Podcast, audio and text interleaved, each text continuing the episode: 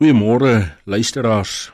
Die wonder van die evangelie hoor ons vandag uit Johannes 14. Daar sê Christus: Ek is die weg en die waarheid en die lewe. Niemand kom na die Vader behalwe deur my nie. Ja, Christus, die weg, die waarheid en die lewe.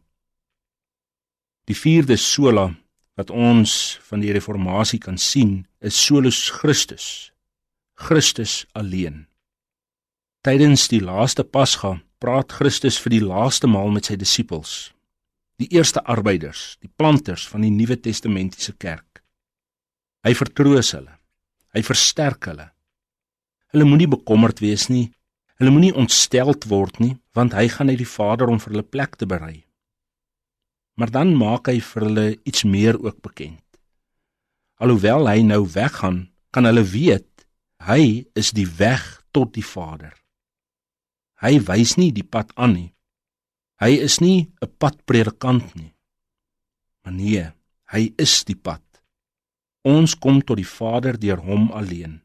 Hy plaas ons in 'n versoende verhouding met die Vader deur sy dood aan die kruis op Golgotha en dit is in hom alleen wat ons met die Vader versoen is. En dan gaan dit nog verder, nog meer. Christus is ook die openbaring van goddelike waarheid.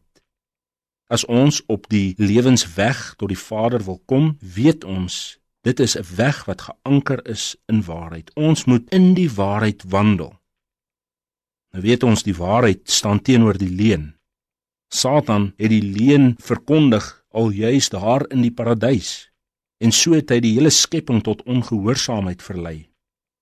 Maar nou kom Christus en hy herstel alles weer. Hy openbaar die waarheid van sy woord. Hy openbaar dat hy self die woord van waarheid is.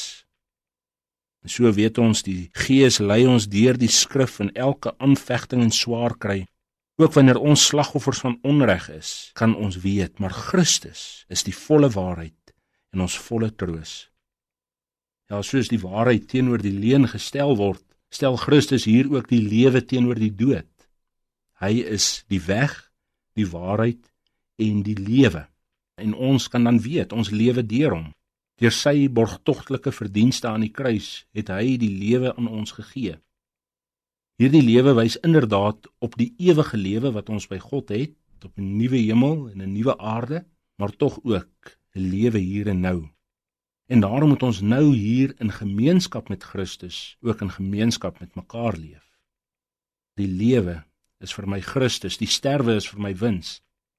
Hy is die gewer van lewe en juis daarom is my hoogste lewensdoel om hom te eer as die heerser, die koning van my bestaan.